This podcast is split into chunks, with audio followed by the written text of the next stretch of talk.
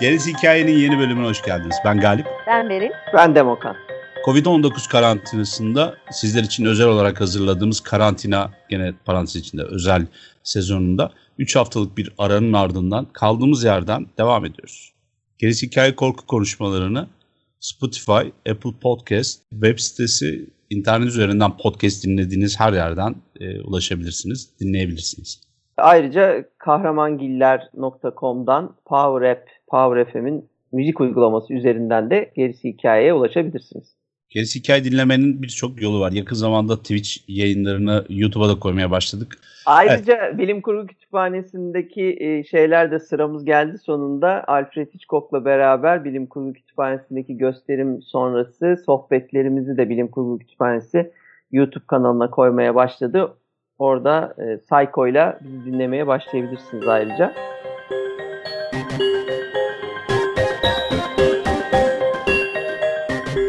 Evet arkadaşlar şimdi bu koronanın etkileri, bizim kişisel karantinamızın etkileri hızla büyümeye, katlanarak büyümeye başlıyor. Hepimiz hissediyoruz, tahmin ediyoruz. Siz de hissediyorsunuzdur. Biz de hissediyoruz. Yani şimdi programa girmek için e, ben tabii kesiyorum araları ama büyük çaba sarf ediyoruz haberiniz olsun. Ve konuşacağımız konu da delilik. Bu hafta sizlerle delilik konuşacağız. Gerisi hikayede bir ufak delilik geçiriyor diye düşünüyorum bir yandan. Sağda solda büyük ihtimalle bizim yapmış olduğumuz herhangi bir yayınla karşılaşmış olabilirsiniz. Bizim bu yayınlarda belki de icat ettiğimiz terimlerle ya da Aa, aslında şu şuna benziyor ha falan gibi tespit ve çıkarımlarla karşılaşmış olabilirsiniz. Bir film gösterimimizi izlemiş olabilirsiniz. İşte onları yapan biziz. Bizi her yerde bulmanız mümkün. İşte buraya kadar gelmişsiniz demektir. Bir an elim telefona gitti ve şu an dünyada deliliğin çıktığı yer Pandora'nın kutusu olan Twitter'a girdim. O yüzden de bir aklımda gitti. Ne ne ne falan diye böyle hani Herakles'in aklını başından alan delilik gibi bir şey beni ele geçiriverdi. Çok artist konuştum burada. 160 küsur program yapmış 3 e, üç silahşör olarak biraz deli e, sayılabiliriz zaten. O yüzden de konuza gayet uygun durumumuz. Ben evet. tabii sürekli bu aralar sürekli gülüyorum. Neden bilmiyorum. Herhalde dediğin gibi biraz karantinanın etkileri olsa gerek. E, vaka ben alışığım aslında evde oturmaya. Yani çoğunlukla evde yaşıyorum ama çok sokağa çıkmayı seven bir değilim. E, genelde kendi kendime oyalanmayı severim. Pek çok hobim, zobim vesairem şuyum buyum vardır. pek çok pek çok yaptığım şey vardır evde ama e, zorunluluk olduğu zaman biraz insan tabii şey oluyor. Hissetmeye başlıyor. Düşün, düşündüm ben bunu. Ben de evden işte haftada bir gün normalde çıkan bir adamdım yani hani ne, ne etkileyecek falan diye düşünüyorsun e, başlarda ama gerçekten kendinin evden çıkmaması değil de başkalarının da evden çıkmıyor olmama, olması bizleri galiba etkilemeye başladı diye düşünüyorum. İçeridekileri etkileyen önemli şey kendileri dışında diğer herkesin de evlerinden çıkmıyor olması olabilir gibi geliyor. Evet, evet bir arkadaşım söylemişti bunu. Dışarıda yapacak bir şey olmadığı için daha rahatız aslında. Ama bir ufakta oynamaya başladı. Şu tabir hala geçerli mi ya? Bir ufaktan geliyorlar. Evet, ya da tabii. keçiler kaçıyor. Yani nedense bu Tamam geliyorlar. Evet evet. O neydi? Mode of transportation falan birazcık şey fark etti. nedense böyle deliliğe konu olmuş bir şey. Yani ya geliyorlar ya gidiyorlar anladın mı? Hiç adam kendi kendine delirmiyor ya da kadın. Şimdi seksist olmayalım. Twitter'da evet. bilinçler gelebilir. evet. Her zaman gibi Sümer'den başlamayacağım korkmayın. Bugün, ben bugün sizlere bir iki tane etimolojiden bahsedeceğim. İlk önce e, deli ile e, başlayalım. Zaten sıklıkla kullanılan e, kelimemiz bu. O da 1070'lerden geliyor. Divan-ı Lügat Türk'ten telüden e, geliyor. Ondan öncesi de telve, tilve şeklinde geçen Uygurca bir kelime e, görünüyor. Fakat benim en çok dikkatimi çeken Türkçe'de artık çok fazla kullanmadığımız e, divane. Hmm. Şimdi neden dikkatimi çekti? Bu Farsça bir kelime. Delilik ise divanegi olarak geçiyor ama e, günümüz şeylerinde, lügatlarında pek geçmiyor. Farsça bir kelime ve bu kelimenin kökeni aslında devlerden geliyor. Yani divlerden geliyor. O da Zerdüşt dininde kötülük tanrısı veya cin olarak e, olduklarına inanılan yaratıklardan, efsanevi yaratıklardan, onların isimlerinden geliyor. Bu aynı zamanda galiba Ehrimen'in çocukları ya da yardımcıları olan divalardan evet. ileri geliyor. Ha, yani kötülük uğramış gibi, possession gibi, yani musallat gibi bir hissi var sanki. Ne dersin? Ee, tabii ki zaten anlamı deli olmakla birlikte aynı zamanda cin çarpmış anlamına da geliyor. Bir zamanların devleri yani div, divler veya işte divalar dediğimiz bir zamanların iyileri işte Zerdüş'ten sonra kötü e, hmm. olarak cin olarak anılıyor ve köke, kelime kökenimiz bu yani aslında cin çarpmış gibi bir e, şeyi var e, tanımı var. Hı hı. Diğer bir kelimemiz ise insanity İngilizce. E, ben madness'tan çok insanity'yi daha çok severim kelime olarak çünkü daha iyi ifade ettiğini e, düşünüyorum çılgınlığı, deliliği. Hı hı. Bunun kökeni de Latinceden geliyor. Latince bir kelime sanus ve sanitas olarak geçiyor. Sağlığı yerinde, akli melekeleri yerinde gibi bir tanımı var e, bu kelimenin. Daha sonra insanus ve insanitas olarak olumsuzu kullanılıyor. Sonra insanitatem olarak e, gelişiyor ve daha sonra da e, 1500'lerde insane insanity olarak kullanılmaya başlanıyor. Bu da güzel bir kelime çünkü sanitas veya sanus aslında akli melekeleri yerinde sağlıklı kişi evet. kullanılıyor. Sağlıksız olan kişi bir anlamda akli e, yetisinde e, kaybetmiş anlamına geliyor. Evet. Bu açıdan ben özellikle bu e, üç tane kelimeyi seçtim ki çok iyi ifade ettiklerini düşünerek konuşacağımız konuyu.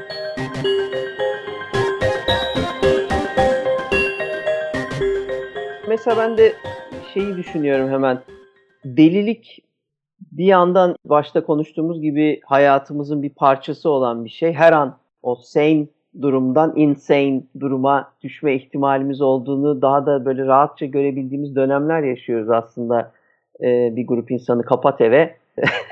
ikinci ayın sonunda dışarıda ölüm ihtimali olsa da mesela berbere gitmek isteyebiliyorlar. Yani içeride sağlıklı olmak yerine ama ben saçlarımı düzeltmem lazım benim deyip o tehlikeyi göze alabilecekleri duruma düşebiliyorlar mesela. Burada insanity belki de görüyoruz. Bir de ilginçtir bizimle alakalı tabii bu detaylara daha sonra gireceğiz belki ama edebiyat deyince de mesela aslında romanın başladığı yerde de biz hemen e, insanity'yi buluyoruz. Don Quixote'la beraber yani romanın başlangıcını Don Quixote olarak kabul edersek ki öyle ediliyor. Miguel e, de Cervantes'in 1605 ile 1615 arasında e, yani bir, birinci cilt 605'te ikinci cilt 1615'te çıkıyor. Evet. Kesinlikle. E, hatta bunu daha da önceye götürebiliriz. Tabii roman öncesinde götürmek istersek e, Sokles'in Ajax'ından bahsedebiliriz veya işte Herakles'te geçen hikayeleri e, yani Herkül'ün hikayelerinde geçen trajedilerde de deliliği görürüz. Mesela şey var Ant e, Ludovico Ariosto'nun bir e, şiiri var. Orlando Furioso diye. O da bir e, paladinin deliliğini anlatıyor. Aynı zamanda aşkın bir çeşit delilik olduğundan bahseden bir hmm. şiir bu. O açıdan da e, aşkı da delilik olarak nitelendirebiliriz. Daha sonrasında zaten Hamlet'i görüyoruz çok belirgin olarak ve dediğin gibi Don Quixote geliyor.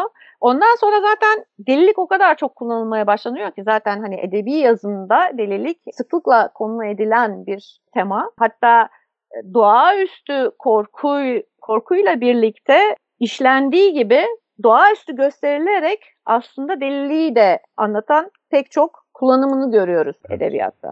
Ee, benim de ekleyeceğim birkaç bir şey var. Şimdi e, delilik kelimesi çok küresel diyeyim artık. Evrensel diyoruz ama evrenin e, toz zerresi kadar bir alanını ifade edebiliyoruz. E, gerçek manada. Yoksa egomuz bütün evreni doldurdu insanlık olarak. Şimdi e, çok küresel bir kavram. İnsan var olduğu andan itibaren kullanılan bir terim ama zaman içerisinde değişikliğe uğradığını düşünüyorum. Zaten görüyoruz da bunu. Kullanım yerleri çok geniş. Özellikle bizim gibi e, yazar ve sanatçıların ekstra ekstra üzerine düşündüğü gerçek ya da toplumun genelinde ifade ettiği manasını dışına taşırarak e, ele aldığı şeylerden bir tanesi. Özellikle korku yazarıysanız delilik zaten en çok kullandığınız şeylerden bir tanesi.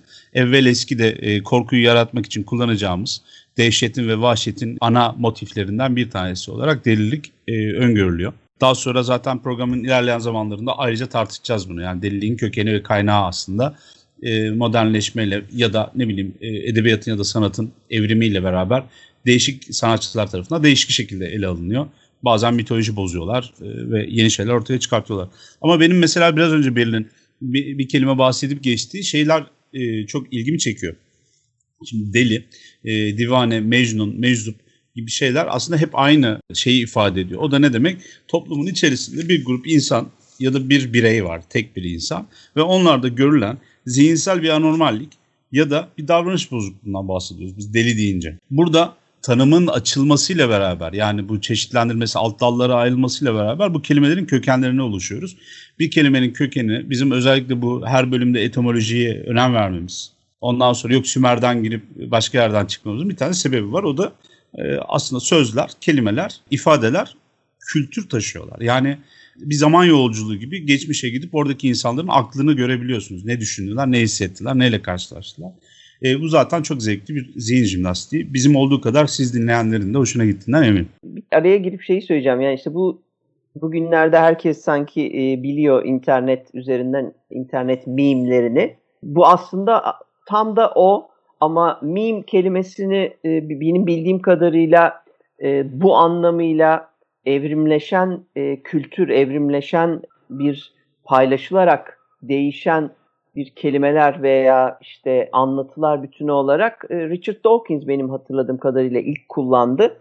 Hı hı. E, en azından bu internet üzerinde oradan başlayıp yayılmaya başladı ve orada şeyi gösteriyordu. Bir çok eski bir kültürden gelen bir kelime e, süreçte kullanımla, ticaretle bir sürü e, yerde bu bir şey değişiyor, bir kelime kullanılıyor. Kültüre göre e, işte ticaretle ya da savaşla yer değiştirdikten sonra o toplumun içinde kendi şeklini buluyor ve yeni bir anlam ifade etmeye başlıyor. Evet. Şimdi e, yani bu kelimelerde mesela alt açılımlarına gittiğimiz zaman e, daha doğrusu deli ve deliliğin e, tanımlarına baktığımız zaman bir iki bir şeye ayrıldığını görüyoruz. Mesela bu ne demek? Kendine ya da başkalarına zarar verebilir olmak var. Evet. Zarar verme hadisesi işin içine girdiği zaman zarar ne demek? Kötü bir şey, olumsuz. Ha o zaman mesela meczubu almıyorsun da mecnunu alıyorsun atıyorum kelime olarak. Çünkü yani bir cin tarafından ya da bir divaneyi alıyorsun. Dive tutulmuş, cine tutulmuş e, gibi bir mana üzerinden tanımlıyorsun.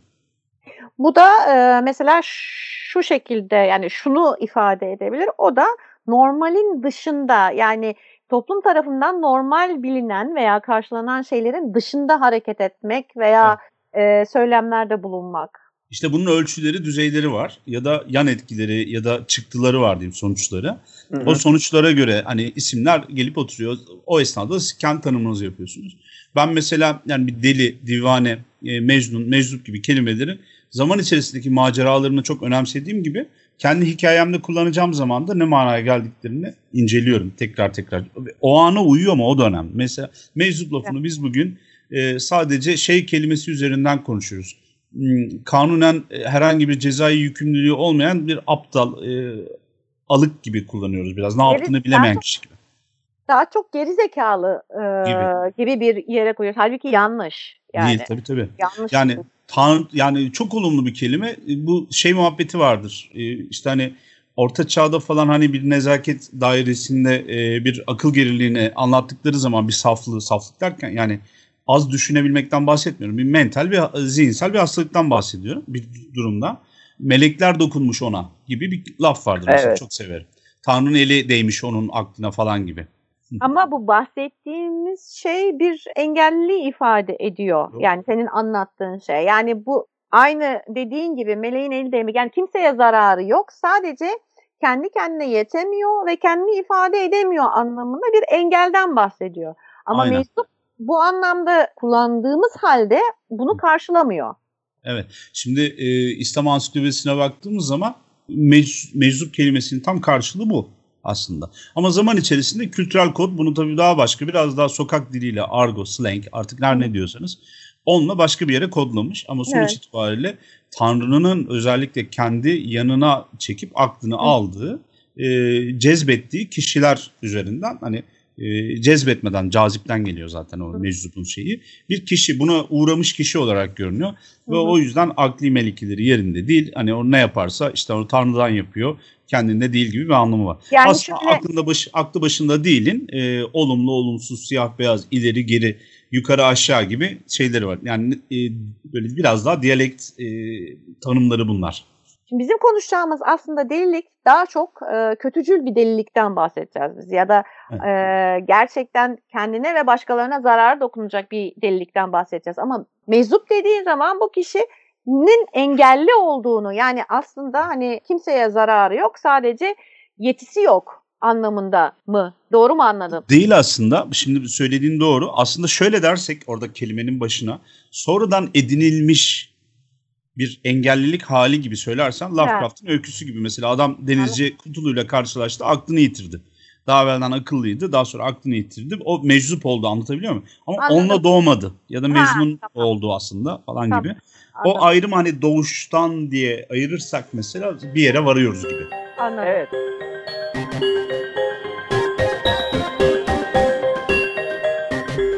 Burada çok önemli bir noktaya geldik. Gerçek hayat ile bu sanattaki deliliğin farkı da yani bizim burada aslında süreçte konu edeceğimiz daha başlarken bile anlatırken bile işte Herkül'den tut Don Quixote'a kadar Hamlet'e kadar Tabii, tabii. e, işlenen şey aslında birincisi bana sorarsanız bir kere 21. yüzyıl bakış açısı çok geç gelen bir şeydir. Ondan önceki 20 yüzyıl e, ve ondan önce de e, birkaç bin yılda aslında bugün bakıldığı gibi bakılmıyor. O yüzden de edebiyatta da sinemada da e, her zaman daha abartılı tanımlarla anlatılır. Her zaman e, bir kere en başta karikatürizedir. O en önemlisi. Bir engel olarak e, anlatılan delilik tabii ki vardır ama neredeyse işte o ilk bilmem kaç bin yıl e, o şekilde anlatılmaz. Böyle bir ya işte başta söylediğiniz gibi tanrılardan ya da şeytanlardan gelen bir şey gibi anlatılır ya da olumlu böyle bir çılgınlığın olumlu yanları ya da çılgınlığın büyük olumsuz yanları, vahşilik, saldırganlık vesaire gibi yanları anlatılır ama her seferinde sanattaki e, delilik biraz daha karikatürdür. Yani Alice'in e, Harikalar Diyarı'nda mesela e, 1865'teki e, romanda kediyle karşılaşır Alice ve işte kedi orada burada hepimiz deliyiz. Ben deliyim, sen delisin der. Alice benim deli olduğumu nereden biliyorsun der. Deli olmalısın yoksa buraya gelmezdin. Filan Tam gibi annem lafı ama. Akıllı adamın burada işi ne? Şimdi Tabii, cinsiyetçi evet, oldu. Akıllı bireyin burada işi ne? Ya nedir bu Kediye mi? cinsiyetçi şeyi? Niye bu kadar şey yapıyorsunuz? Yani Türkçe'de geçiyorum. ne yazık ki Türkçe'de var evet yani. Yok Ee, zaten şey bu arada müthiş bölüm. yani. Ha? Annemin sözü diye girdin yani. Evet, yani o yüzden Evet, orada evet, bir, bir, e, durumu yok yani o yüzden. Evet evet o adamlık bir şey değil. Bu arada ben küçük bir şey söylemek istiyorum. Benim en fazla alıntı yaptığım şey odur. İki tane deli kediyle yaşıyorum ben de. Kediler de zaten diyor ki yani akıllı adamın bizde ne işi var gibi e, bir arada bakıyorlar. Çok eskiden beri var ve e, sanat da bunu yeri geldiğinde heyecan için çok kullanıyor. Mesela biraz önce Beril'in söylediği Euripides'in gene e, şey var. İki tane önemli oyunu var aslında ya da bunlar benim bildiğim iki tane önemli oyunu var. Aslında belki 100 tane böyle bu konuyu işlediği bu tema üzerinden oyunu vardı. Biri Medea'nın e, deliliği, ikincisi de Herkül'ün aslında deliliği. Daha doğrusu yükselerek ortaya çıkması. Birinde Medea'nın delirmesiyle beraber e, Yason'un galiba yani Jason'ı evet. e, yeni karısını öldürüyor ve kendi öz çocuklarını da öldürüp gidiyor. Gürcü bir abla kendisi ve e, o deliliği uzun uzun anlatıyorlar. E, daha sonra feminist okumada falan defalarca da konu edilmiş bir hadise ve kim haklı kim haksızlık kısmı ayrıca tartışılır. Ben medya taraftarıyım. O konularda biraz romantiyimdir. E, Herakles'in delirmesi esnasında da mesela gene Euripides bunu bu şekilde konu etmiş. Herkül'ün delirmesinde mesela e, bir şeye bağlıyor. Bedenlenmiş bir deliliğe bağlıyor. Yani delilik onun karşısına çıkıyor, çarpıyor onu. Anlatabiliyor muyum? Yani hikayenin içerisinde kullanmak istediği yerde genel olarak yaklaşım neredeyse 20. yüzyılın başına kadar hep bir göksel bir şey tarafından, insan dışı, doğaüstü, paranormal bir şey tarafından insanın manipüle edilmesi, e, çok övündüğü zihni ve aklının elinden alınması, böyle cebren alınması. Hile de yok bu arada. Ondan sonra çok yaygın açıkçası daha moderne gelene kadar bile antik çağda çok üzerinde durulmuş. Evet ama işte hani 20. yüzyıl olmasa da Finde Sikle'den hemen önce aslında yani şey başlıyor işte psikolojinin e, kokusunu aldığında e, edebiyat. Evet. Olay birden karışmaya başlıyor. Hatırlıyorsanız dinleyicilerimiz hatırlıyorlarsa şey 3 öykü konuştuğumuzda geçen sezon mesela The Yellow Wallpaper Charlotte Perkins Gilman'ın evet. 1892 evet. tarihli novellasını e, uzun öyküsünü e, incelemiştik mesela. Orada mükemmel bir insanın içinden gelen o çılgınlığın çok hoş bir dışa vurumuydu o öykü mesela. Ve orada şey başlamış artık. Yani karikatürize olmaktan çıkmış, ayakları yere basan çok gerçek. Bugün bizim çok rahat anlayabildiğimiz yani 21. yüzyıldan bakan birinin de 21. yüzyılda hatta doğmuş birinin bile okuyunca çok rahat özdeşlik kurabileceği bir evet. terminolojiye, bir duygular bütünlüğüne dönüşüyor. Evet.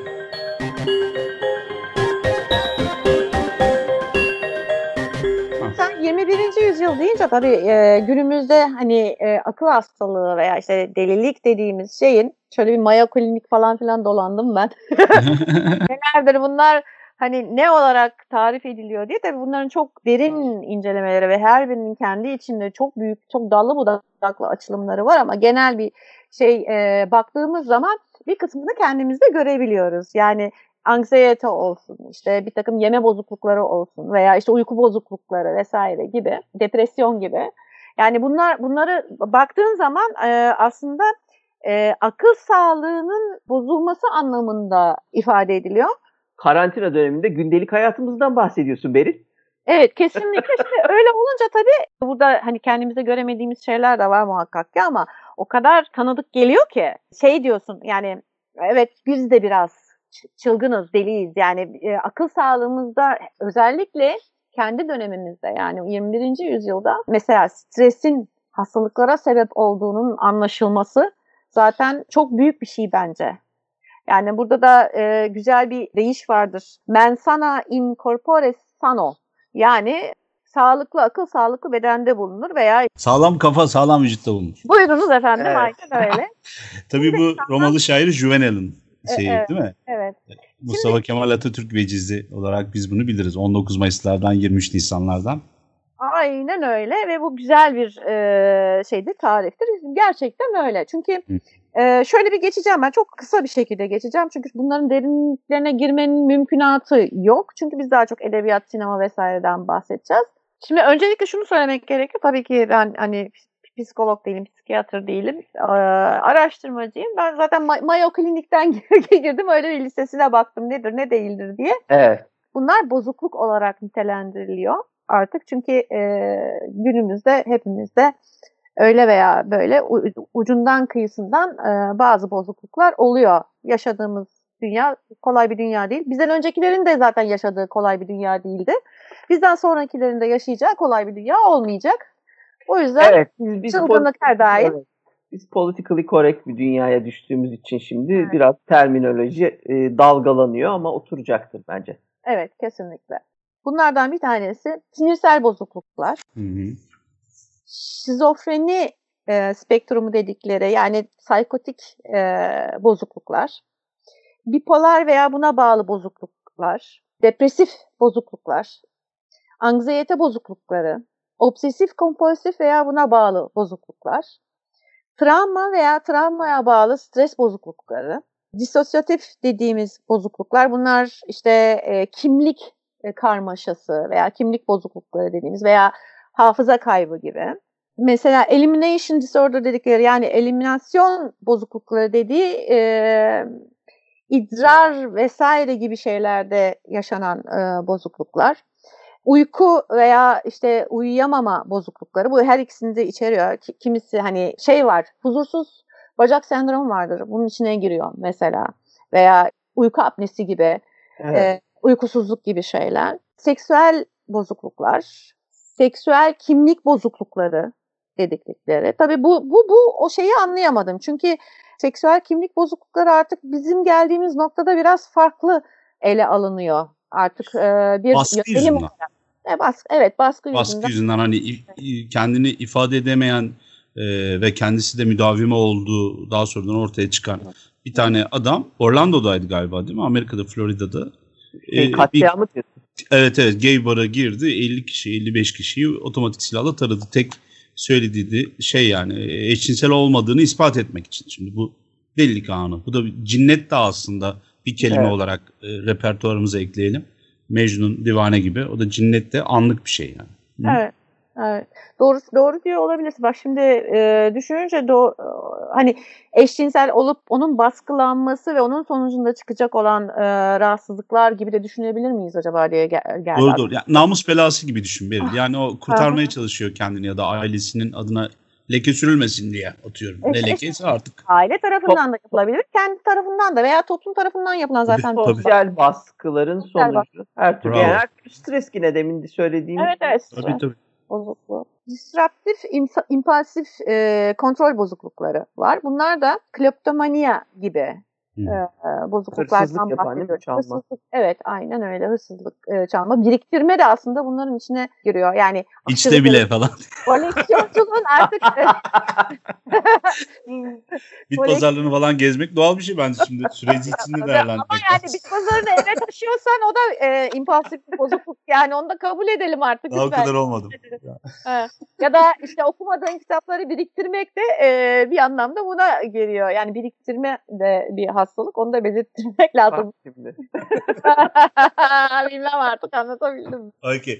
Bu, bu programdan kimse sağ çıkmayacak anlaşıldı. ya ben sana diyorum zaten. Yani bütün bu listeyi okurken yani bunlardan birkaç tanesini görünce dedim ki tamam evet ben çılgınım ben onu biliyorum ama yani çevremde de bu kadar çılgın olduklarını e, bildiğim birkaç kişi de var yani. evet. evet demiştik evet. Madde kullanımına bağlı e, bozukluklar e, veya maddesel kullanım bozuklukları yani işte bu uyuşturucuydu, ağrı kesiciydi vesaire. Tabii bunların da bağlı olduğu bir takım bozukluklar var. Tabii bunun haricinde fiziksel travmaya bağlı bozukluklar da var. İşte beynin hasar alması, herhangi bir atak sırasında veya işte seizure sırasında, kriz esnasında işte beyinde oluşabilecek bir takım hasarlardan kaynaklanan bozukluklar var. Karakter bozuklukları var. İşte e, borderline gibi, antisosyal olmak gibi veya narsist olmak gibi evet. e, bunlar var. Bunlar mesela bunları saydığın zaman dünya liderlerine şak diye oturtabilirsin direkt olarak. evet. Hı hı. Parapalik bozukluklar var. Bunlar da işte e, seksüel sadizm, e, röntgencilik, pedofil gibi bir takım e, şeylere giriyor. Allah muhafaza deyip burada ben sonlandırıyorum. Daha fazla okumayayım.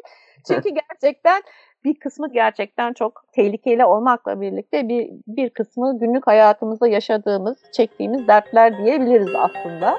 Kesinlikle.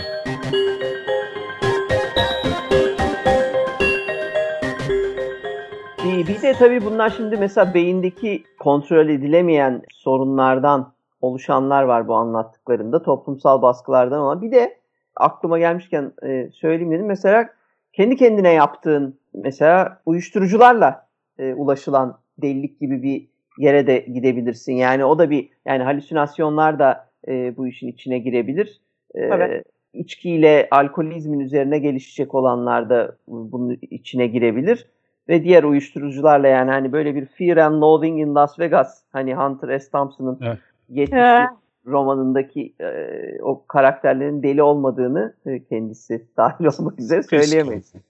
Yani şeyde var madde etkisi bu arada evvel eski kullanılan bir e, uygulama. E tabi. Tabii, Yani tabii. dini falan hatta e, bir yerde. Tabii, tabii canım. Tabii tabii ama orada şey değil kendi kendilerine delirmek olarak tanımlamıyorlar onlar. Ee, ben öyle bir örneği vermek için oraya gittim. Evet. Yani hani madde etkisiyle işte geleceği görmeye çalışıyor. Ee, e, işte dediğin gibi dini olarak bir vahiy gelmesi için yapıyor vesaire vesaire. Hezeyan yaşamak için uğraşıyor yani.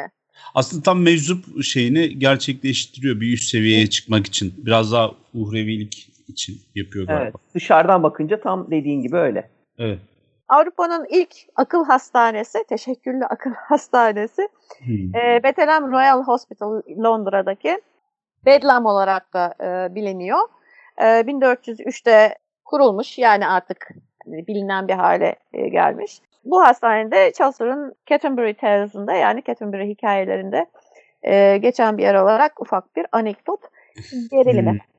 Ondan Evet. sonra da 1400'den hani 1900'e kadar be- 500 sene insanlara çılgınca işkence ettikleri önemli bir merkez tabii. Tabii kafatasına delik açmak diye. gibi. Evet kafatasına delik açmak gibi. Suya batırıp orada bırakmak gibi.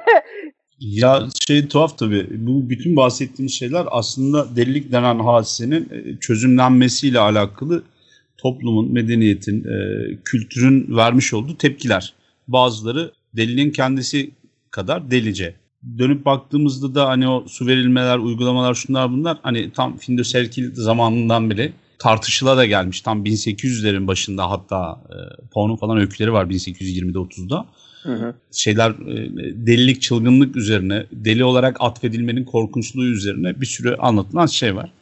Bu bahsettiğimiz zaten tedaviler ya da gösterilen tepkiler e, bizim edebiyatta da en çok kullandığımız o deliliğinde kaynağı oluyor ya da en çok ilham veren şey oluyor. Yani e, nedir bir sanatçının en fazla şeyi? O ilham sürecini bir daha tanımlamak istiyorum 160. defa bir şeyle karşılaştığınız zaman e, ortada sanatçı tarafında bir yıkım gerçekleşiyor ve çok etkileniyorsunuz. Bu etkilenmeniz üzerine de sizde kaldığı kadarıyla sizde yarattığı tahribat ölçüsünde de e, yeniden yorumlayıp ortaya koyuyorsunuz kendi e, bakış açınızla. Bu da ilham süreci oluyor. Yani yaşadığınızı yazamıyorsunuz. Zaten kimse hiçbir şeyi o kadar fotoğrafik olarak hatırlamaz. Eğer adınız Galip değilse falan. Tabii atıyorum burada da. Benim de hafızam fena değildir ama tabii ki yanılır yani. Aklı beşer. Bu konularda şaşar. Şimdi bu çareler çok önemli. Neden derseniz çare dediğimiz şey o dönemin tıbbi yaklaşımını tam olarak ortaya koyuyor. Sağlık konusundaki yaklaşımını ortaya koyuyor. Mesela antik Yunan'da o biraz önce Roma'ya da geçen Beril'in okuduğu Latince söz. Daha sonra da bizim gençlik bayramlarında da sıkça sevdiğimiz o zafer taklarının yanına yazdığımız laf. Çok doğru da bir laf aslında bir e, antik Yunan dininin getirmiş olduğu bir şey. İnsan bedeninin tanrıların e, yansıması gibi m, görüldüğü ve bedene iyi bakılmanın bakılmasının gerektiğini. Çünkü bunun bir vatandaşlık görevi olduğuyla alakalı bir yaklaşım var. Çok kabaca anlattım ama anlattığım şeyler genelde böyle. Antik Yunan'da, antik Roma'da ya da antik çağda yaşayan insanlarda din çok farklı demiştik daha önce. Neden? Birincisi organik bir dünyaya inanıyorlar. İkincisi doğaüstü diye bir şey yok orada. Çünkü her şey doğaya dahil. Yani orada adam bir tanrıyla karşılaştığı zaman aa ne kadar doğaüstü bir deneyim demiyor. Neden? Çünkü tanrı doğanın bir parçası. Çoğu zaman da zaten doğadaki olaylar üzerinden tanrıların etkileri, gücü, yansımaları tartışılıyor. İşte hani Thor oluyor, Zeus oluyor, işte Odin oluyor, Olfader birisi oluyor. Tyr genelde öyleymiş, Zeus oluyormuş orada yukarıda falan falan. Bu yansımaların olduğu yerde de hastalıklara, deliliğe, çılgınlığa bakış açısı da çok bariz bir şekilde bunun sebeplerini insan bedeninin dışında ama hala doğanın içerisinde olduğuyla alakalı anlatılabilir. Mesela gene kökü Hipokrat'a kadar götürülen ya da onun belki de ilk formülize ettiği ama herkes tarafından bilinen bir sıvılar teorisi var tıpta. O da şu insan bedeninde bir takım sıvılar var ve bu sıvılar da hastalıklara, mutluluklara, şuna buna sebep oluyor. İrin, kan, ondan sonra sperm, işte e, daha başka sarı su, işte bildiğiniz melankoli dediğimiz şeydi. Kara safra demek yani kara sıvı demek. Bu tarz şeylerin yaratmış olduğu etkiler var. İnsan bedeninde eğer kara safra artıyorsa deliliğe de yol açar diyor. Yani melankoli aslında çılgınlığı yaratır diyor. Biz melankoli lafını seviyoruz ama melanj ya da melankoli kara safra demek. İnsan bedeninde birikmesi, ödün bir kısmında bulunduğu için oradan alınması. Yani bunun üzerine yazılmış bir sürü öykü var aslında da. Hani kara safraları toplayıp kendisine özel doğaüstü bir güç e, bulmaya çalışan atıyorum simyacıların olduğu falan bir sürü öykü var büyücülerin. Hı hı. Şimdi hal böyle olunca tabii insan bedenine de ona göre davranıyorlar. Diyorlar ki eğer kafada bir, bir sorun varsa biz onun kafa olduğunu, ruh olduğunu düşünüyoruz. Direkt kafada demiyorlar biliyorsunuz. Göğüs diyorlar aslında. Hani beynin orada bir fonksiyonu yok belki orada. Yani eğer düşünsel olarak, bir mental olarak, bir zihinsel olarak bir kusur varsa bu bedenin bir kusurunun bir yansımasıdır diyorlar. Yani çünkü beden çok kıymetli ve e, organik dünya görüşünde de Hint'ten falan demişler ama şeyde e, ilk biz Sümer'de bunu görüyoruz. Daha sonra işte Pers'e geçiyor. Öbür taraftan Hint'te görüyoruz. Geri geliyor bilmem ne Yunanistan falan. Şimdi evrende gerçekleşen şey küçük evren olan insan bedeninde görülebilir, ölçülebilir olarak bakıyor insanlar. Ve diyorlar ki sen bedenine doğru bakmazsan bedeninde zihnine ya da e, dünyaya böyle kötü enerji verir diyeyim artık bir şekilde yansır. O nedenle de sağlam kafa sağlam vücutta bulunuyor. Euripides'in falan bir deliliğe yaklaşımı var gene böyle hani delilik ortada bir delilik var. Ama mesela hani büyük büyük kahramanların, ünlü kişilerin o zamanın jet sosyetesi, sosyetesi gibi olan e, dokunulmaz olan kişiler birazcık da işte hani tanrılar falan oluyorlar. İdeoller onlar zaten idealler. Onların başına gelen, yarı tanrıların başına gelen bir takım şeyler var işte.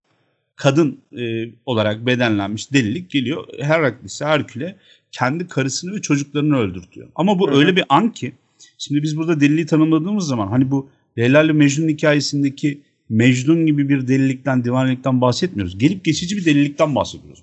Cinnet yani. Aynen öyle. Medea Evet. çocuklarını öldürdüğü zaman, kumasını öldürdüğü zaman üzerine getirilen geline ondan sonra gidiyor ve Atina'da normal hayatına bir şekilde devam ediyor. Tabii ki izleri etkisi kalacak. Ancak hani o deli deli her, her önüne geleni bıçaklıyor falan işte birilerine bıçak çekti falan gibi bir şey yaşamıyor. Herkül ya da sabah akşam karısını öldürmüyor. Ya da hani Türkiye'de çok olur Seda Sayan'a çıkardı büyük ihtimalle. Karısının çocuklarını öldürür 7 sene de hapisten çıkar bir hafla. Ondan Seda Sayan. Seda Sayan'ın programında Müge mıydı? Anlı'dan bahsediyorsun herhalde. Hayır hayır o şey evlilik programına çıkmıştı Ha, adam. Üç, daha Evet, evet. Üçüncü defa evlenmek istiyorum ilk iki karımı öldürdüm ama diyor yani. Arada da söylüyor. Oo, oo. Hemingway'in kısa öyküsü gibi oldu. Ha, Mavi sakal gelmiş programa haberimiz yok.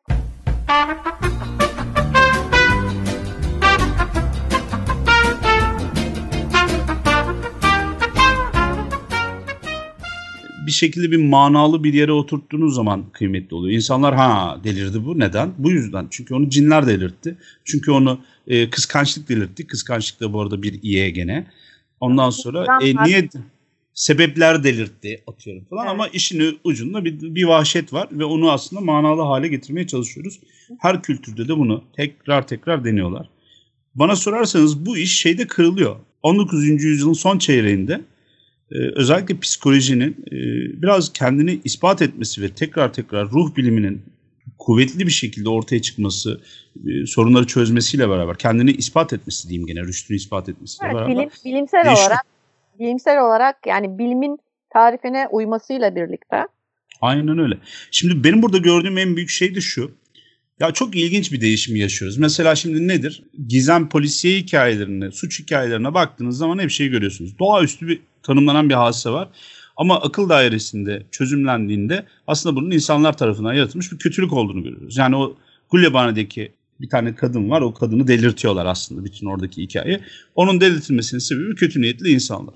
Şimdi tabii e, psikoloji e, gemi ele aldı. Ondan sonra 19. yüzyılın yaklaşımı insanların aslında yani doğaüstü diye bir tanım geliyor artık. Doğanın içerisinde Hı hı. insanın üzerinde bir şeyler yok ve kötülüğün kaynağı insan da olabilir diyorlar.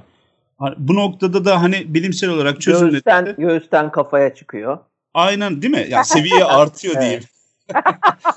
Seviye yükseliyor.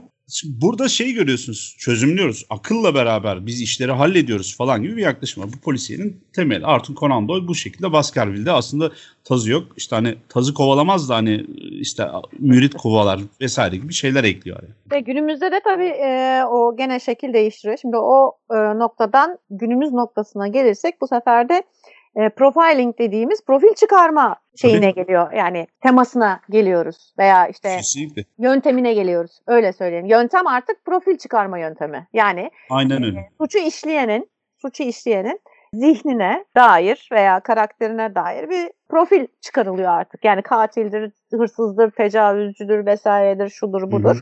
Yani o noktadan geldiğimiz nokta aslında bugün bu. Şimdi biz burada şiddetin psikolojisine artık konuşur hale geliyoruz gerçek Evet. dünyada. Bunun da edebiyatta ve sanatta yansımaları var. Bana ilginç gelen bir örneği söyleyeceğim aslında. Şimdi bu şiddetin psikolojisi terminolojik yani bir, böyle bir terim var aslında. Hukuki ve kültürel bir terim. İlk günden itibaren bu arada delilik. Bu çılgınlığın e, sosyal olduğu kadar, insan ilişkilerini tanımlar olduğu kadar e, hukuki ve kültürel bir yansıması da var. Hukuki olduğu zaman da hani ceza almıyor ya da ona herhangi bir konuda ehliyet verilmiyor. Bir şeye sahip olamıyor bir velisi olmadan falan gibi. Ama Şimdi bu, dön pardon burada çok ince bir çizgi var bu arada. Yani her akıl hastalığı olan suçtan muaftır diye bir şey yok. yok. Bunu da belirtmek lazım yani. Şimdi şey söyleyeceğim ama şimdi bak bu şiddet psikolojisini tartıştık. Yeni modern zamanlarda bu var. İşte hani bilimin ışığında yazan kendi entelektüel dünyasının içerisinde de e, bilimi katan yazarlar vesaireler geliyorlar. Ama böyle yapmayan, davranmayan bir tane de manyak var. Hatta iki tane var. Biraz önce söylediğim biri e, profiler böyle analiz işlerine ilk giren kişilerden biri modern polisiyenin hatta polisiyenin de atası olan babası olan kişi Edgar Allan Poe. Bu e, Morg Sokağı cinayeti de tam olarak görüyorsun bunu. İşte adım adım inceliyor, tasarlıyor, bakıyor ve aslında öyle olmayan bir cinayeti, yanlış anlaşılan, böyle yanlış kurgulanan bir cinayeti akıl dairesinde bir daha yakalıyor, çözüyor. E, canavarı da buluyor. Sadece polisiyeyle ilgili değil aynı zamanda Poe gerçekten çılgınlığı ve delirmeyi yani giderek delirmeyi de anlatan pek çok hikayesi vardır. Bunlardan bir tanesi de zaten en ünlüsü e, Gammaz Yürek. Hmm. E, çok belirgin bir şekilde o delirmeyi anlatır yani o deliliği anlatır. Vicdan çılgınlığı değil mi? Vicdan çılgınlığı evet. Yani modern psikolojiye ben çok şey kattığını düşünüyorum Edgar Allan Poe'nun. Muhakkak ki. Muhakkak. Pre psikoloji neredeyse çünkü anlattığı şeyler. Bu arada e, hemen aklıma geldi bir örnek vereceğim. Psikoloji öncesi dedin, prepsikoloji demiştin e, Galip. Aslında sanatta kullanılması ve tanımlanması şimdi konuşurken gördüğümüz gibi çok daha öncesinden başlıyor. Mesela bunlardan en e, güzellerinden bir tanesi kişilik bölünmesini anlatan Dr. Jekyll Mr. Hyde Stevenson'un. Evet. Yani o açıdan bunlar çok önemli yapı taşları.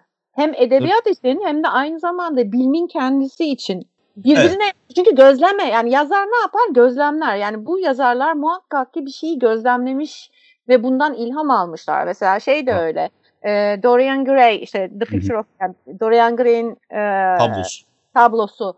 E, orada da narsizm aslında çok belirgin öne çıkıyor. Evet. Yine kişilik bozukluğu olarak. Evet. Ya bir de e, orası tabii e, multidimensional dedikleri ya da çok katmanlı bir sürü şey anlatıyor işte hani gençlik, yaşlanmak, işte Belapak gelecek zaten. Tam böyle karışık bir dönemler onlar. O yüzden de hani Dorian Gray'in portresi çok ilginç bir sürü şeyi de anlatıyor. Bir tatlı hiciv de aynı zamanda. Yani Oscar evet. abi öyle eli boş gelmemiş. Bir tatlı hiciv vermeye gelmiş. Sonra kuleye evet. kapatmışlar tabii babayı bir ama olsun. Bir de e, ya o da işte yine bu sefer diğer baskıyı yiyor işte başta konuştuğumuz tabii. o toplum baskısıyla cinsellik yüzünden başka bir delilik e, aslında içine düşüyor tahminen. Adamı deli ediyorlar yani. Deli diyorlar zaten. Yani o kadar. Ama yani tabii tabii ve bunu zaten biliyorsunuz. Yani 50'lerde bile devam ediyordu bu iş. İkinci Dünya Savaşı'ndan sonra o e, zavallı, Turing'i öldürdüler işte. Turing'i, ya, ha, Turing'i. zavallı Turing'i yok ettiler hani. Ve mesela burada şey de var tam bence bu işleri belki de en etkileyen isimlerden bir tanesinde Göte olabilir. Çünkü evet. 1774'te Genç Werther'in acılarını yazıyor ve Genç Werther'in acılarında işte bu mektup roman formatında biz aş- aşama aşama o karakterin neyi neden yaşadığını, neden öyle şeyler hissettiğini, bunun sonunda neler yapabileceğini vesaireyi görüyoruz ve bu hatta işte durumun tam anlaşılmadığı o dönemde e, Werther'i okuyarak okuduktan sonra işte intihar eden insanlar dolayısıyla bir Werther etkisi gibi bir terminoloji de daha psikoloji e, yokken hani bu terminolojinin bile çıkmasına sebep oluyor. Yani ya da psikolojinin ilk günlerinde geriye dönük olarak bu terminoloji ortaya atılıyor. Yani e, böyle bir etki yaratan bir şey ve burada ne yapıyor adam? İşte tamamen akla koyuyor zihne koyuyor ve ondan sonra zaten bu tarz aslında çok daha zenginleştiriyor bence iç dünyalar edebiyatı da sinemayı da. O, o deliliğin o tanımı çok güzel kapılar açıyor.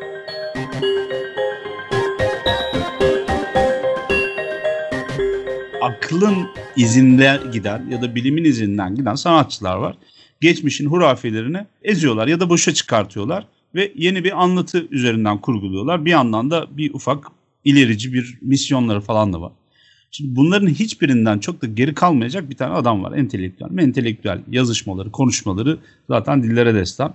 Tabii e, biraz sosyokültürel e, şeyi ve ideolojisi çok tartışıldı geldi ama dönemin e, rüzgarını çok fazla hissetmiş genç yalnız bir adam olduğunu düşünüyorum ben. Çok belki de romantize etmemek lazım ama Howard Phillips Lovecraft tam olarak şöyle bir şey yapıyor Lovecraft. Lovecraft'ın bütün eserlerinde aslında o var. Modern zamanın içerisine geçmişin canavarlarını getiriyor ve bu mitolojiyi parçalayan ve yeniden yorumlayan bir başka şey haline de getiriyor. 1920'lerin başında 1910'larda bütün canavarların yeniden eline alınması söz konusu. Biz bunu 2000'lerin başında yaşadık mesela.